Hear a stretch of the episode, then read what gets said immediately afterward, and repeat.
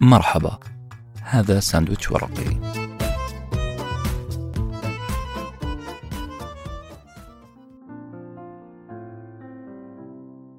قبل كم شهر انتهى كأس العالم؟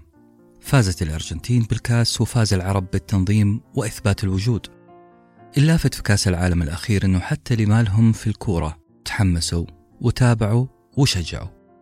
كان كأس عالم استثنائي بكل المقاييس وأول استثناء أنه للأسف التيكي تاكا أو تكتيك برشلونة وأسبانيا فشل. وفي المقابل نجحت تكتيكات أخرى أكثر عملية. وقلت هنا للأسف لأنه التيكي تاكا متعة كروية وحرام حرام.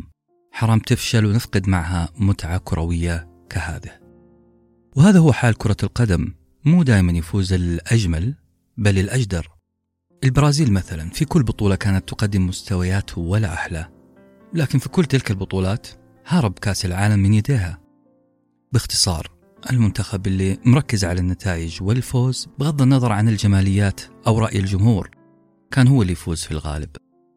وهذا الشيء اللي يصير في حياتنا. الأجدر يفوز سواء كان في أرض الملعب أرض المكتب أرض المصنع أو البيت أو حتى الجامعة والدراسة هذا هو باختصار ملخص كتاب شجاعة أن تكون غير محبوب. ألفها اليابانيين. إيشيرو كيشمي وفومي تاكي كوغا. اللي قالوه في مقدمة كتابهم شيء مهم جدا. قالوا عنوان كتابنا مستفز ويسير عكس الاتجاه السائد اللي تربينا عليه وتعلمناه. والهدف من هذا الكتاب أن نتحرر من الانشغال بنظرات الغير. لا يجب أن نجري خلف استحسان الغير. لأن استحسان الغير ونظراتهم لا تكفي لتحقيق النتائج التي نريد تحقيقها. أصدقائي في هذه الحلقة حناخذ فكرة بسيطة عن تكتيكات لعب كرة القدم عشان نعيد ذكريات كأس العالم اللي راح. ونربط مادتنا بشيء ممكن تذكره. خلونا ناخذ فكرة مفصلة عن القوة اللي راح تحصل عليها من شجاعة أن تكون غير محبوب. معكم أنس بن حسين نصا وصوتا. ونقول بسم الله نبدأ.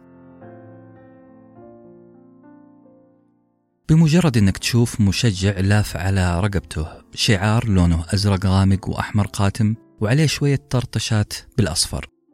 اعرف إنك أمام مشجع برشلوني متعصب. توقع إنك حتسمعه يمجد حاجة اسمها تيكي تاكا. التيكي تاكا بالمناسبة هو أسلوب ولد في نادي أياكس أمستردام الهولندي اللي رباه اللاعب المعروف يوهان كرويف. هذا التكتيك نضج واستفحل مع نادي برشلونة ومنتخب إسبانيا وفكرة هذا الأسلوب بسيطة. اللامركزية في مراكز اللاعبين. استحواذ أكبر على الكرة عن طريق تمريرات قصيرة. مثلثات تجنن الخصوم. وعلى فكرة يا جمهور برشلونة التيكي تاكا كلمة ما لها معنى. القصة أنه معلق أسباني حب هذا التكتيك. أعجبته نقلات لاعبي برشلونة. وما لقي إلا أنه يصف صوت النقلات بين اللاعبين بأنها كأنها ضربات تنس طاولة أو عقارب ساعة. تيك تاك. فسماها تيكي تاكا. وخلونا الآن نشرح أسلوب التيكي تاكا بشكل سريع. تيكي تاكا عبارة عن مثلثات متساوية الأضلاع. تخيل شكل مثلث متساوي الأضلاع. بكذا تكون النقلات بين اللاعبين. خط الدفاع متقدم. في مرونة شديدة في تغيير المراكز. الأظهرة بتدعم الهجوم. كل هذا كوم وفكرة استفزاز الخصم كوم ثاني. أتذكر بوضوح لاعبي ريال مدريد ومانشستر وغيرهم وهم يجرون بكل عنف ناحية الكرة اللي تدور بين أقدام لاعبي برشلونة كأنها مسرحية هزلية. كان استفزاز الخصم واضح وكان عامل رئيسي في لخبطة مشاعر وسلوك لاعبي الخصم. والفكرة ببساطة أنه اللاعب راح يتصرف كردة فعل. الخصم اللي هو لاعب ريال مدريد أو مانشستر راح يتصرف كردة فعل لا كفعل.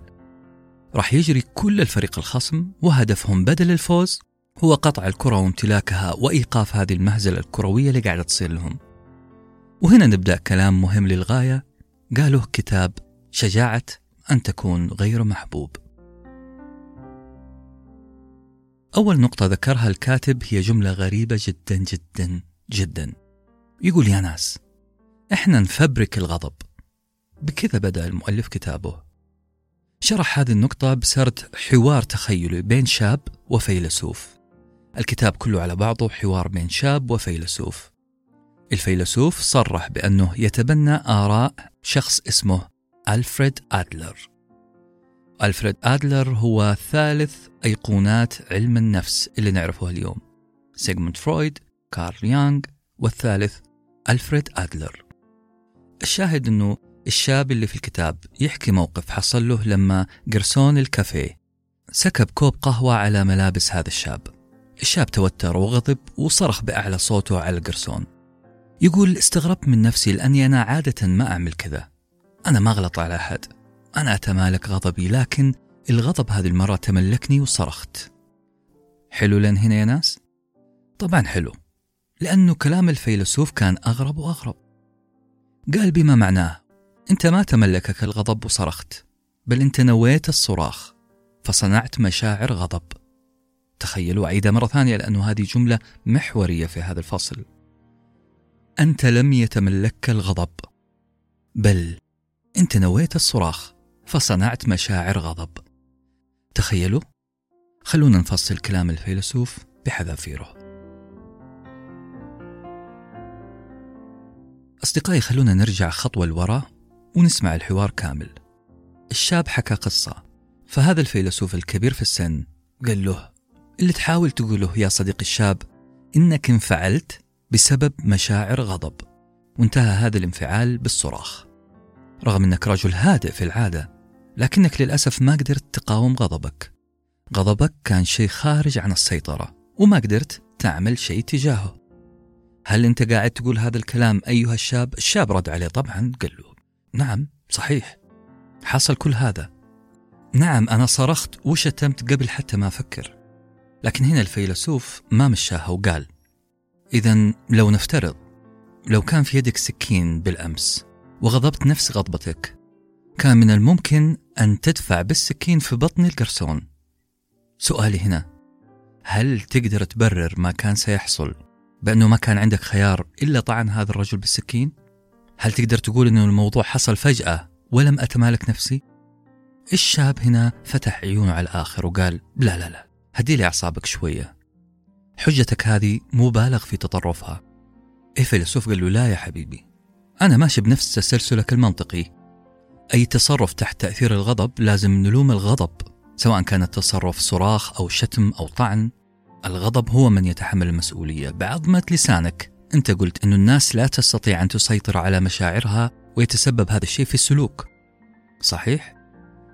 الشاب هنا ابتلع ريقه وحاول يطلب هدنة من هذا الهجوم وقال ممكن لو سمحت تشرح لي أكثر؟ هنا الفيلسوف رجع ظهره على الكرسي وقال بزهو المنتصر الموضوع سهل. أنت لم تقفز غضبا وبدأت تصرخ.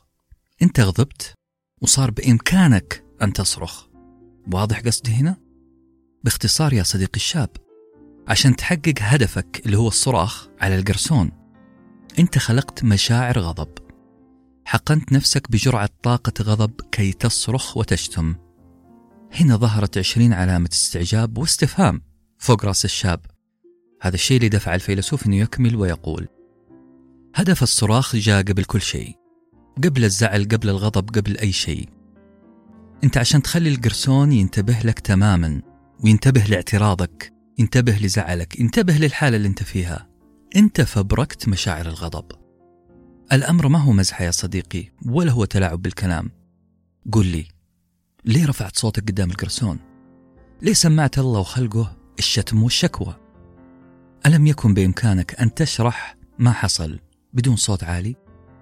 لو شرحت اللي حصل بهدوء القرصون راح يفهمك وراح يقدم لك اعتذار صادق راح ينظف لك ملابسك ويعمل ستين إجراء عشان يرضيك. طبيعي جدا أن القرصون حيعمل أكثر من كذا. ورغم أنك عارف كل هذا قررت أن تصرخ وتشتم. فكرة أنك تتكلم بصوت هادي وتشرح للقرصون اللي حصل بالأدب هي فكرة متعبة شوي. حتاخذ وقت. أنت قررت أنك تخلي هذا الشخص يمتثل لأوامرك بأسرع شكل ممكن. وعشان كذا اخترت رفع الصوت والإهانة والتهجم. وعشان كذا أنت كنت في حاجة إلى مشاعر غضب. أصدقائي الحد هنا أنا اقتنعت بحجة الفيلسوف. لكن هذا الشاب عنيد وعنده وجهة نظر. رجعتني لقلب القضية محور النقاش. تساؤل الشاب هو هل أنا غضبت؟ ثم تصرفت ولا أنا حددت تصرف في عقلي وبناء عليه خلقت مشاعر هي مشاعر الغضب. مسألة سكب القهوة في الغضب في الصراخ حصلوا ورا بعض وما بينهم وقت عشان أصنع شيء هذا اللي يدور في بال الشاب. الحادثة بالمشاعر بالسلوك حصلوا ورا بعض مستحيل أكون دبرتها.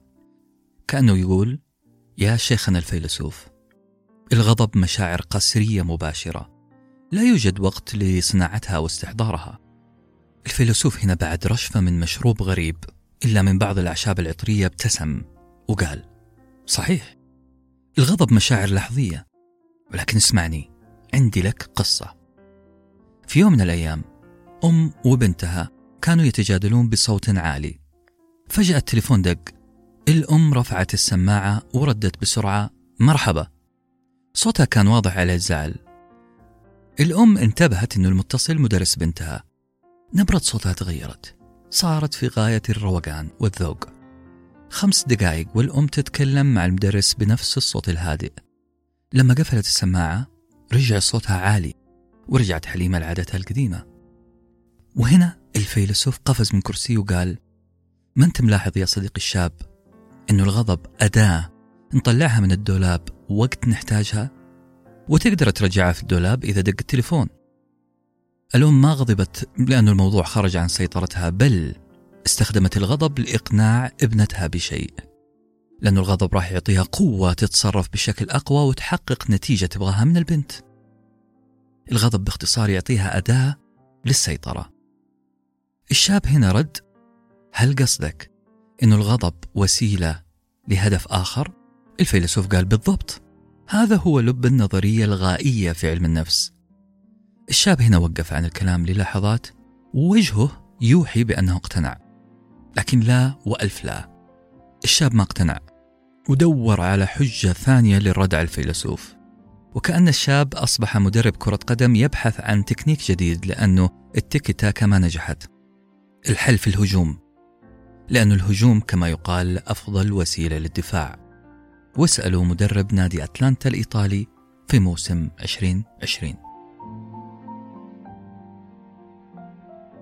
2020 في مدينة شمال إيطاليا على الحدود السويسرية بالتحديد مدينة بيرغامو من إقليم لومبارديا. هذا الإقليم اللي عاصمته مدينة ميلان. نادي أتلانتا اللي موجود في هذه المدينة حصل على لقب أقوى هجوم في أوروبا. سجل الفريق 61 هدف في 23 مباراة. وهنا يرجع الفضل للمدرب جيامبيرو غاسبريني. عنده فلسفة هجومية غريبة فلسفة هجومية بحتة. تخلي الخصم يقعد في مناطقه نظرا لأنه في حملات متوالية.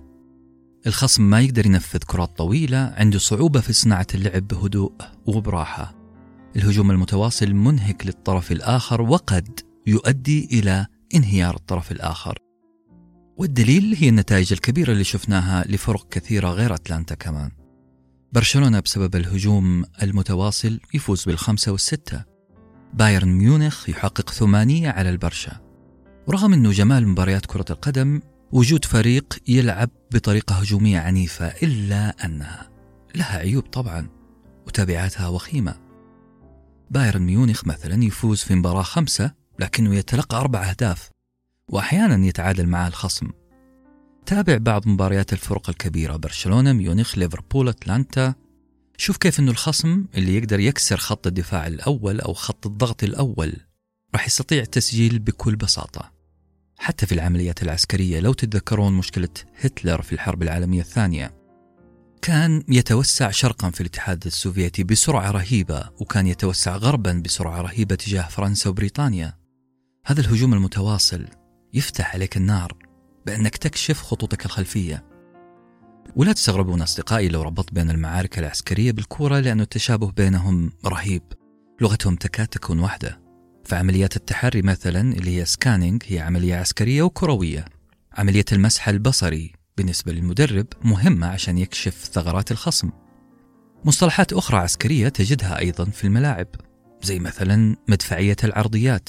مدفعية العرضيات كانت مهمتها اختراق حصون الدفاع المتترسة من خلال كرات جانبية قوية. الهجوم المضاد التسللات العمق الدفاعي كلها مصطلحات عسكرية تبرز التشابه في المجالين لغويا وتكتيكيا. هذا التشابه كان حجتي لما واحد يقول لي ليش تتابع كرة قدم؟ اللي كان يصور كرة القدم على أنها لعب عيال أو أنها ترف أو شيء لا معنى له. كنت أقول له لا كرة القدم لها معنى وتمثل المعارك العسكرية على الأرض. وإذا كنت تقول أن كرة القدم ما لها معنى فأنت شخص عدمي. أنت تنفي معنى الأشياء التي خلق لها الإنسان معنى.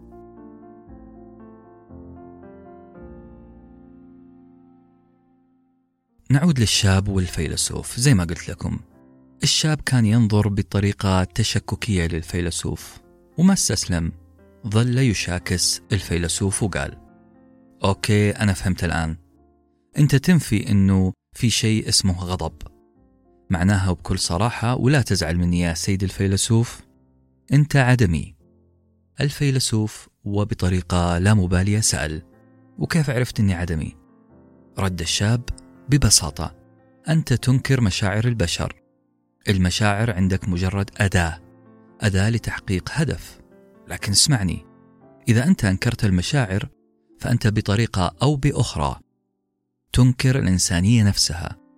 لو أنكرناها فلن نكون سوى آلات.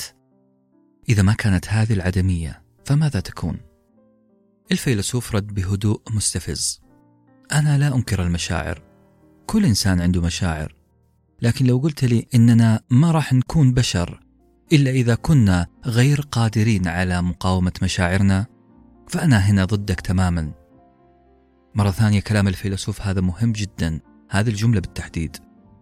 يقول لو قلت لي إنه ما راح نكون بشر إلا إذا كنا غير قادرين على مقاومة مشاعرنا فأنا ضدك تماما.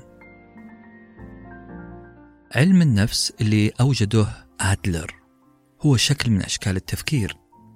فلسفة تقف ضد العدمية. إحنا مو تمتلكنا مشاعرنا. هذا هو لب فلسفة آدلر النفسية. إحنا ما إحنا ضحية ماضينا ولا المشاعر القسرية اللي تيجي مع تذكر ماضينا. آدلر ضد يانغ وفرويد في هذه النقطة في حكاية خروج سيطرتنا أو تحكم المشاعر فينا أو تحكم العقل الباطن فينا. هنا الشاب قاطعه بسرعة وقال يا أخي أنا معاك لكن سؤالي مو عن اللي حصل في الماضي سؤالي عن أثرها الآن.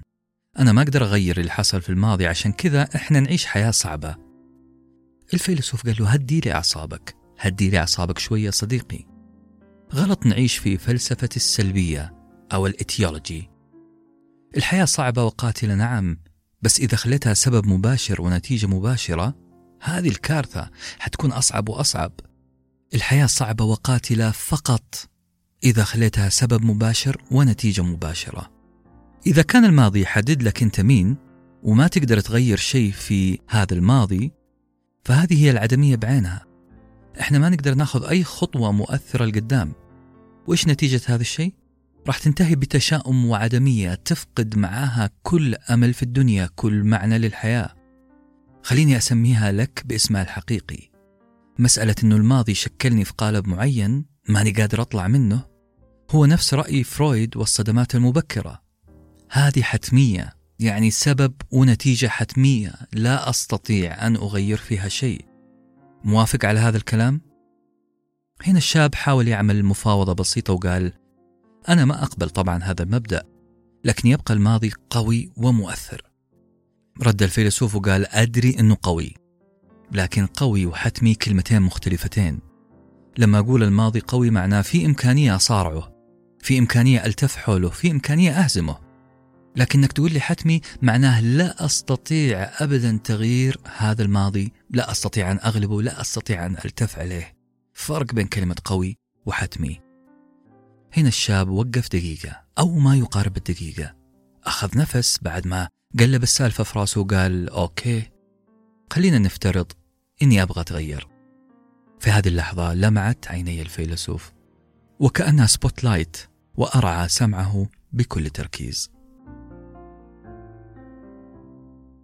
أصدقائي ناخذ راحة شوية. من الشاب والفيلسوف ونتكلم عن حاجة غريبة تحصل عندما تتابع الدوري الإيطالي.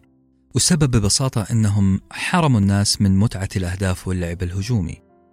إيطاليا هي دولة معروفة بالدفاع الممل. لكن استغرابك هذا ومللك راح يختفون تماما لو عشت شوية في مصطلح الكاتيناتشو. كاتيناتشو كلمة إيطالية معناها القفل. والفكرة أنه الفريق يقفل الملعب تماما على الخصم دفاعيا. بعد ما كانت كل الفرق في كرة القدم هدفها من اللعبة تسجيل أكبر عدد ممكن من الأهداف. مع الإيطاليين تغير الموضوع. الإيطاليين ما يبغون يستقبلون أهداف. وهدفهم الثاني اقتناص أي فرصة مرتدة أو خطأ من الخصم للتسجيل. الكاتيناتشو ظهرت في النمسا في البداية. مدرب نمساوي اسمه كارل رابان. درب فريق ضعيف. ضعيف بدنيا وفنيا. وهذه حقيقة واضحة زي عين الشمس بالنسبة للمدرب. الفريق ضعيف مستحيل ينافس.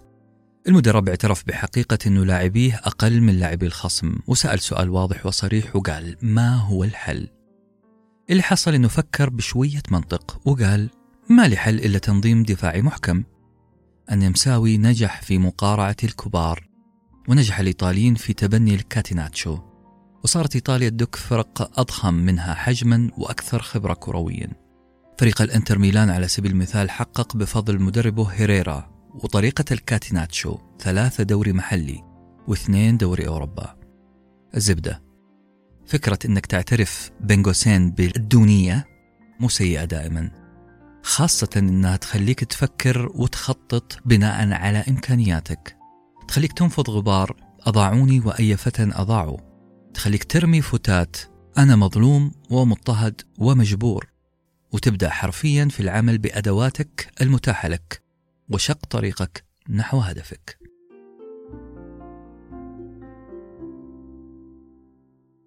الكلام عن الدونية في كرة القدم ذكرنا بفصل موجود في الكتاب وحوار حصل بين الشاب والفيلسوف.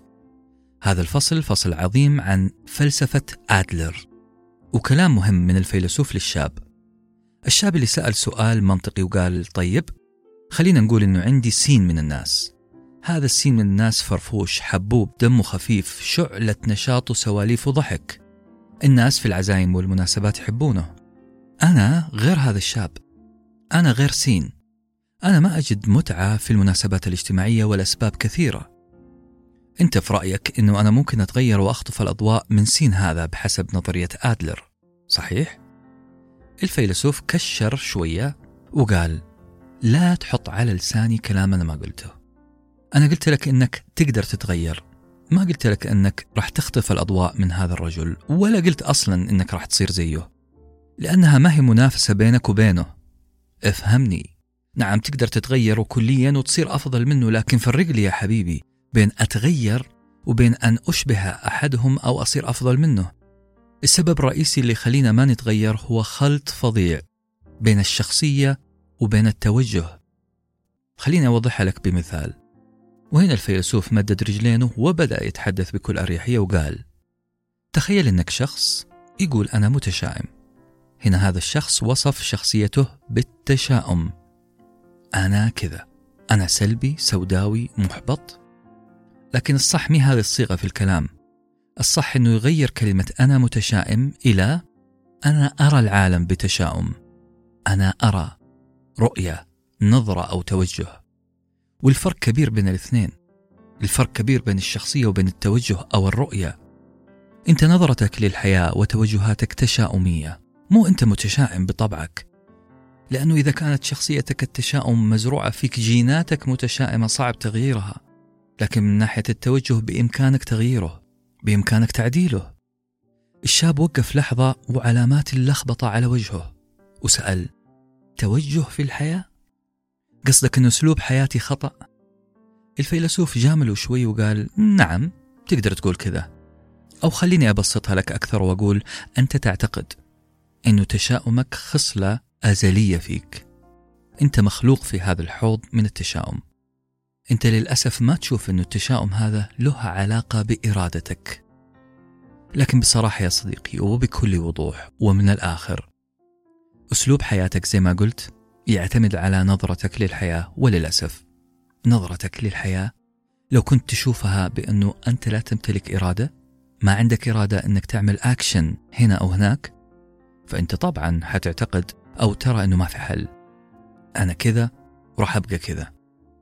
وهذا اللي يخليك تعتقد أنك شخص متشائم خجول غير مناسب للمناسبات الاجتماعية. الآن يا صديقي خليني أطرح لك مصطلح جديد. أول مرة نتكلم عنه اليوم ألا وهو الشعور بالدونية. ممكن أسألك سؤال؟ هل عندك هذا الشعور؟ الشاب بغضب رد بعد كل اللي قلته لك بعد كل ما عرفته عني أنا متأكد أنك متأكد أني أشعر بالدونية طبعا. الفيلسوف تجاهل غضب الشاب وسأله سؤال سقراطي آخر مباشر. قال له طيب ممكن توصف لي هذا الشعور بالدونية؟ الشاب هنا استرسل وكأنه كان جاهز بالإجابة قال مثلا لما أشوف في ال social media شخص في نفس سني شخص ناجح يتملكني شعور بالدونية. حسد ممكن قهر ممكن. شخص في نفس سني وفي نفس جيلي ناجح. أجل أنا إيش قاعد أسوي في الحياة؟ لما أشوف في ال timeline الكل مبسوط أحس بالحسد بصراحة وأتنرفز سموم تفرز في جسمي وهنا أسأل نفسي سؤال ليه؟ هل أنا أقل تعليم؟ أقل إنجاز؟ أقل سعادة؟ نعم أنا أقل منهم في هذه الأشياء كلها إنها الدونية يا صديقي الفيلسوف الفيلسوف هنا أتبعه بسؤال محرج شوي أكثر إحراج من الأسئلة اللي قبله وقال طيب إيش كان رأيك فيني أول ما شفتني؟ الشاب تململ وحاول يهرب من الإجابة لكن الفيلسوف ألح عليه. قال الشاب أول ما سمعت عنك كنت بصراحة أتوقع أني أشوف شخص أضخم من كذا. أنت جسمك ضئيل وتبدو أقصر مما توقعت. الفيلسوف بلعها على مضض وقال أشكرك على صراحتك. وأنا كنت شايف كذا برضو. لما كنت في سنك كنت أشتكي من قصر قامتي. ومتأكد أني لو كنت أطول زي الباقين كنت راح أعمل عمايل. الشخص الطويل العريض مصدر ثقة للآخرين لأنه يرعب أي أحد يقابله.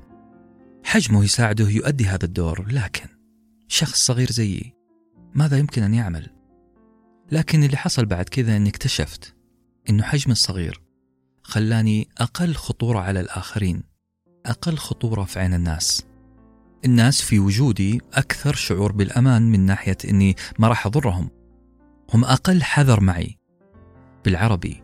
اكتشفت مع الوقت أنه حجمي الصغير ممكن يكون مرغوب بطريقة مختلفة عن الطريقة اللي فكرت فيها زمان لو قارنت نفسي بمصارع مثلا كبير الحجم. هنا النقطة يا صديقي الشاب. الشعور بالأقلية وبالدونية أحيانا. راح يخليك تبحث ألف مرة في نفسك عن ميزات برا صندوق المجتمع وأحكامه. الشعور بأني أقل خلاني أبحث عن الصفة التي ألصقها بطولي وحجمي وجسمي. الفكرة ككل يا صديقي هي اسأل نفسك السؤال الصح. ما هي الصفات التي ألصقها بنفسي بناء على ما أمتلك؟ كيف أوظف هذه الصفات اللي أعطيتها نفسك في صالحك وصالح أهدافك؟ المسألة نفسية وشخصية. ما نتكلم عن نتائج موضوعية مية في المية؟ هنا الشاب رفع حواجبه في استغراب. بل في قناعة مندهشة. وقال قصدك أن كل الحقائق والأرقام والمعلومات الموضوعية هي في الأساس حكم شخصي؟ الفيلسوف قال نعم هذا قصدي تماما. كيف تشوف هذه الأرقام؟ هي اللي تفرق فعلا. كون أني قدرت أشوف ميزات قصر قامتي بطريقة جديدة وعرفت أوظف هذا الشيء لصالحي أوظفها كنقطة قوة. أنا قدرت أحول نقطة ضعف في نظر المجتمع وفي نظر العالم الموضوعي إلى نقطة قوة. ملاحظ معايا؟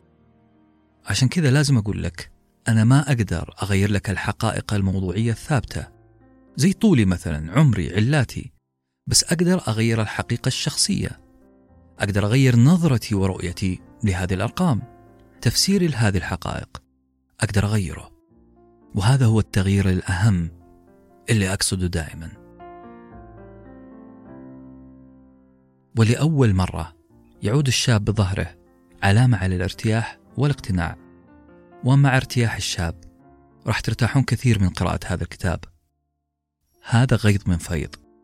فلسفة الشجاعة فلسفة قدرة الإنسان على التغيير فلسفة الحرية التي يمتلكها كل إنسان إذا استطاع أن يختار قراراته ويحدد وجهة نظره وينفذ بناء على فهمه للدنيا.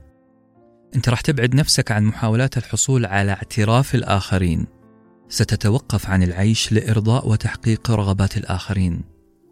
وأخيرا ستتعلم كيف توظف كل هذه القدرة داخل محيطك الاجتماعي. أوعدكم أصدقائي إذا أعجبتكم الحلقة إذا أعجبكم موضوعها راح نسلط الضوء على فصول أكثر في هذا الكتاب وحنسلط الضوء بشكل أوسع على التفاصيل والعمق اللازم لهذا الموضوع الحساس.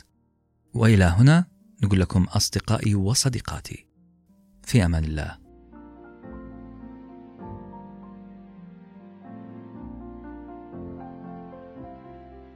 كنتم مع ساندويتش ورقي وجبة معرفية نتشارك لذتها.